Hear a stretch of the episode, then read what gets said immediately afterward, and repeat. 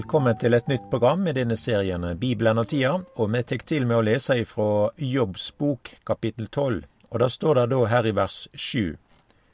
Bare spør dyra, de skal lære deg, spør fuglene under himmelen, de skal seie deg det, eller tal til jorda, hun skal lære deg, og fiskene i havet skal fortelje deg det. Kven skjønner ikke av alt dette at det er Herrens hand som har skapt det, det er Han som har i si hand hver levende sjel og ånda i hver menneskekropp. Og dette med å spørre fuglene, det er jo ikke så enkelt, men i Bibelen, der møter vi dette som tema. Og her er det veldig mange arter som er omtalt, og det er mange og ulike fortellinger vi har i Guds ord, der fuglene er omtalt. Og det er veldig rikt å lese og grunne på. Det er ikke for ingenting at dette står i Bibelen. Og en av de arter som er nevnt av fugler, er da ørn.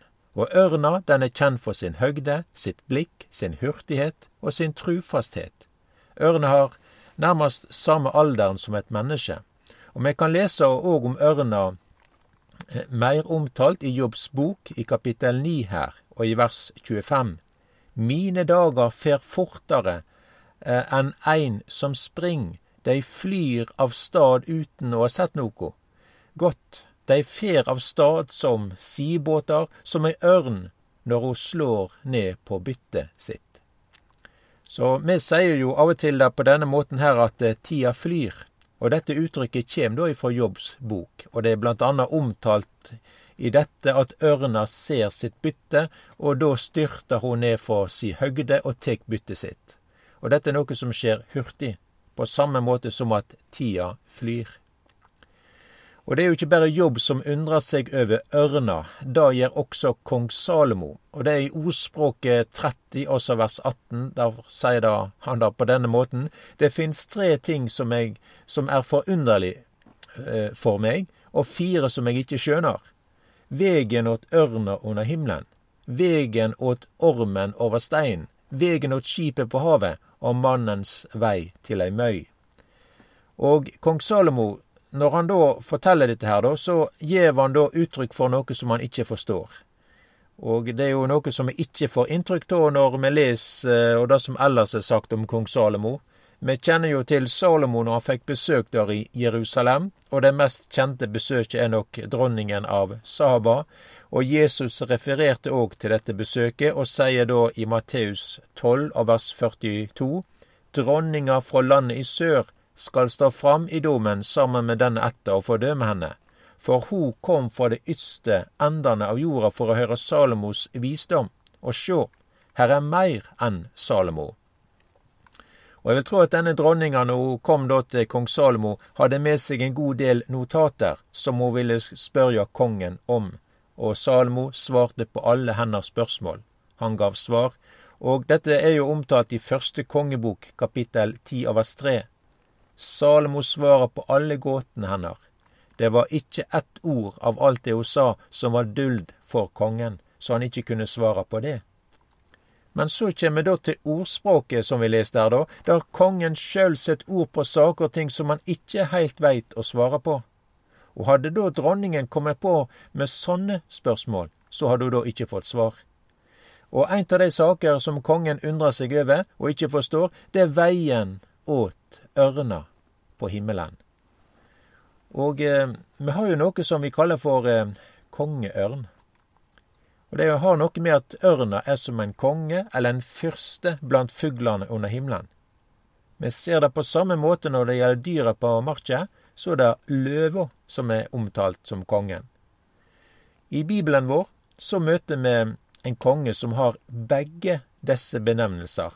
Han er både ørna sitt varemerke, og han har òg løva sitt varemerke. Og Det vil si at denne konge, han er både i lufta og på jorda, og det har eh, noe med hans eh, makt og hans suverenitet. Og kanskje det er noen som alt har tatt kongens navn her det er jo den babylonske konge Nebukaneser. Og vi kan lese dette her i Daniels boke, kapittel 7 og vers 4. Og det har sammenheng med at Daniel han har et syn, og det er da fire dyr som stiger opp på havet, og det første her som er omtalt da på følgende måte. Det første likna ei løve og hadde ørnevenger. Medan eg så på, vart vengene revet av, og det vart løft fra jorda og reist opp på to føtter som et menneske, og det fikk et menneskehjerte. Og det synet som Daniel har her, da, det samsvarer med det som var og er Nebukadnesars drøm, som vi leser om i kapittel to hjå Daniel. Og det som jeg legger merke til her, da, og som er sagt om kongen her, da, det er jo dette her at det er både ørnevenger og som ei løve. Dette var kongens varemerke. Han eh, reiste seg mot himmelen, og han ville være den største på jorda. Det hadde med hans makt og hans suverenitet. Og det var jo dette som var det babylonske riket sitt emblem. Og når ørene her blir omtalt, så er det da òg med hurtighet. Det babylonske riket har noe med det dyriske, men også hurtigheten er det kjent for. Og dette eh, sier Bibelen sjøl, og det er det som kommer til uttrykk når Babelkongen tek Juda og Jerusalem.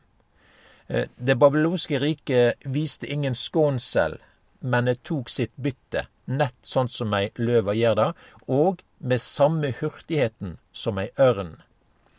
Og det blir på samme måte som når ørna henter sitt bytte. Den ser byttet sitt, den låser byttet sitt med blikket, og styrter mot målet. Og dette er da omtalt hjå profeten Hosea, kapittel 8 vers 1, Set basun for munnen.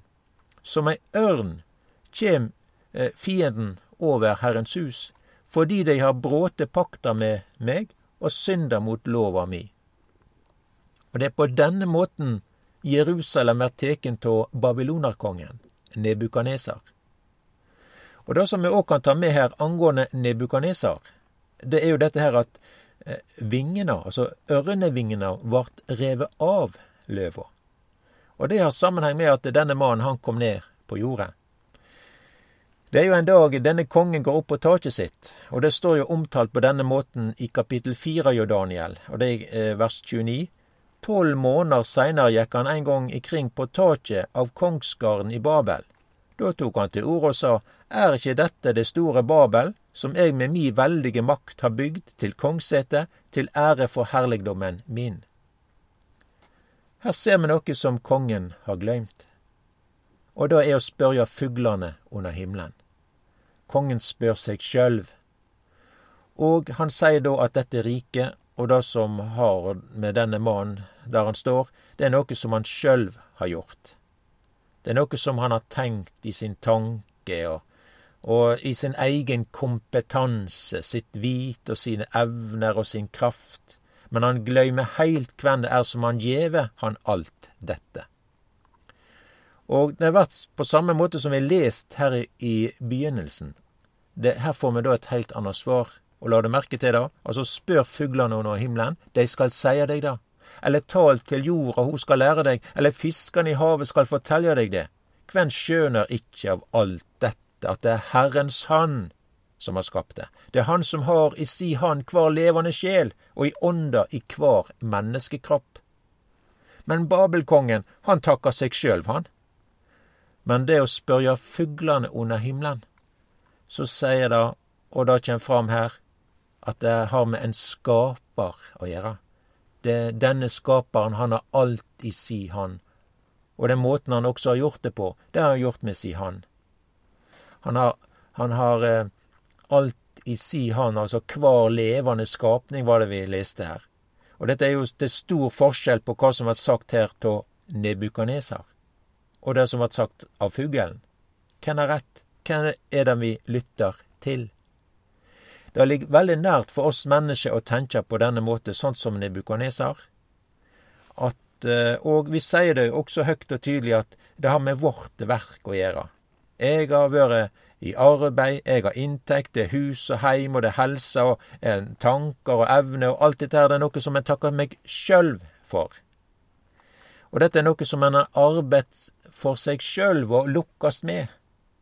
Og det er mange i dag som på samme måte, mennesker som setter seg sjøl i sentrum og tror at alt er på grunn av dei sjølve.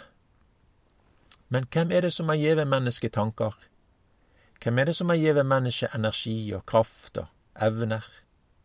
I Bibelen blir det jo stilt dette spørsmålet Hva har du som du ikke har fått? Og spørsmålet finner du i første Korinterbrev 4 vers 7. Hva var det som gav deg livet? Om det ikke var for Skaperen, Han som har i si hånd hver levende skapning. Vi leser her om kong Nebukaneser, der han setter seg sjøl i sentrum og nærmest takker seg sjøl for at han var så dyktig. Da tok Gud til og pirka borti tankane og sinnet hans, så han vart sjuk på sinnet. Han oppførte seg som et dyr. Han miste forstanden sin. Men det som berga Nebukaneser, det var hans omvendelse. Og dette leser du i eh, vers 37 i Daniel 4. Eg, Nebukaneser, priser og opphøyer nå himmelkongen, for alle gjerningene hans er sanning, og stiene hans er rettferd og dei som ferast i overmot, makter han og audmjuka. Så det skjedde ei endring i denne kongen sitt, eh, sitt liv, og det var ei omvendelse til Herren. Han ser at det er Herrens verk. Historiens herre er på arenaen og styrer historiens gang, de minste ting. Ethvert land og rike som gjør det på denne måten, med omvendelse og fokus på Herren, det landet og riket har ei framtid. Bare spør fuglene. Og det er mange riker og nasjoner som har ørna som sitt symbol. Og Romerne de hadde jo dette her i sitt emblem. Vi kan jo se på USA i dag, også Tyskland og flere med. Nasjoner som har tatt da med ørna. Og det har noe med det at de ønsker og ser på sitt rike, som har oversikten, og eh, om nødvendig kan styrte ned og ta sitt bytte. Det har noe med den suverenitet og den makt vi kan jo òg ta med en annen sak som Bibelen tar oss med inn i. Det er at, at eh, ørna her den blir sammenligna med en rikdom som eh, ja, og som forvenger. Altså det, det, er Salomo som sier dette her i ordspråket kapittel 23 av vers 5. Når du vender auga dine mot rikdommen, så er han borte. For han gjev deg venger lik ørna som flyg mot himmelen. Og det var jo ei erfaring som Salomo gjorde. Og eh, det er noen som enhver har prøvd. Hva rikdom er for noe, så er det i alle fall det som denne her Salomo har prøvd. Han har prøvd det å være rik. Og eh, han var jo rikere enn alle kongene på jorda. Han hadde jo mulighet til alt det som lå i hans makt med dens rikdom.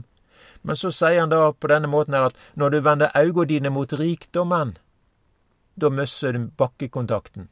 Altså, rikdommen gir deg venger og han løfter deg lik ørna, og det er ingen som er tjent med å miste bakkekontakten. Men det var mange som dette har skjedd med, og på samme måte også med kong Salomo, også Nebukaneser. Og Bibelen taler jo dette her for hovmot. Altså, du løfter deg. Og det er mange mennesker som synes at dette her, det gjør ikke noe. Om de står på andre mennesker, bare de sjølve kjem høgt om de sjølve er store nok, om de sjølve kjem i sentrum. Vi kan legge merke til at det er en rikdom som løfter, lik, ja, som ørne her, mot himmelen. Og denne rikdommen er i Jesus.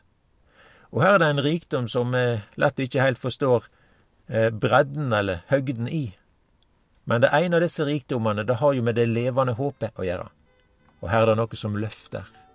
Og det har vi når Jesus kjem igjen. Når han kjem til lufthimmelen, så skal han løfte Guds menighet i sky, opp i luften, for å møte Herren. Og det er en begivenhet som kan skje for tid som helst. Jesus kjem snart igjen.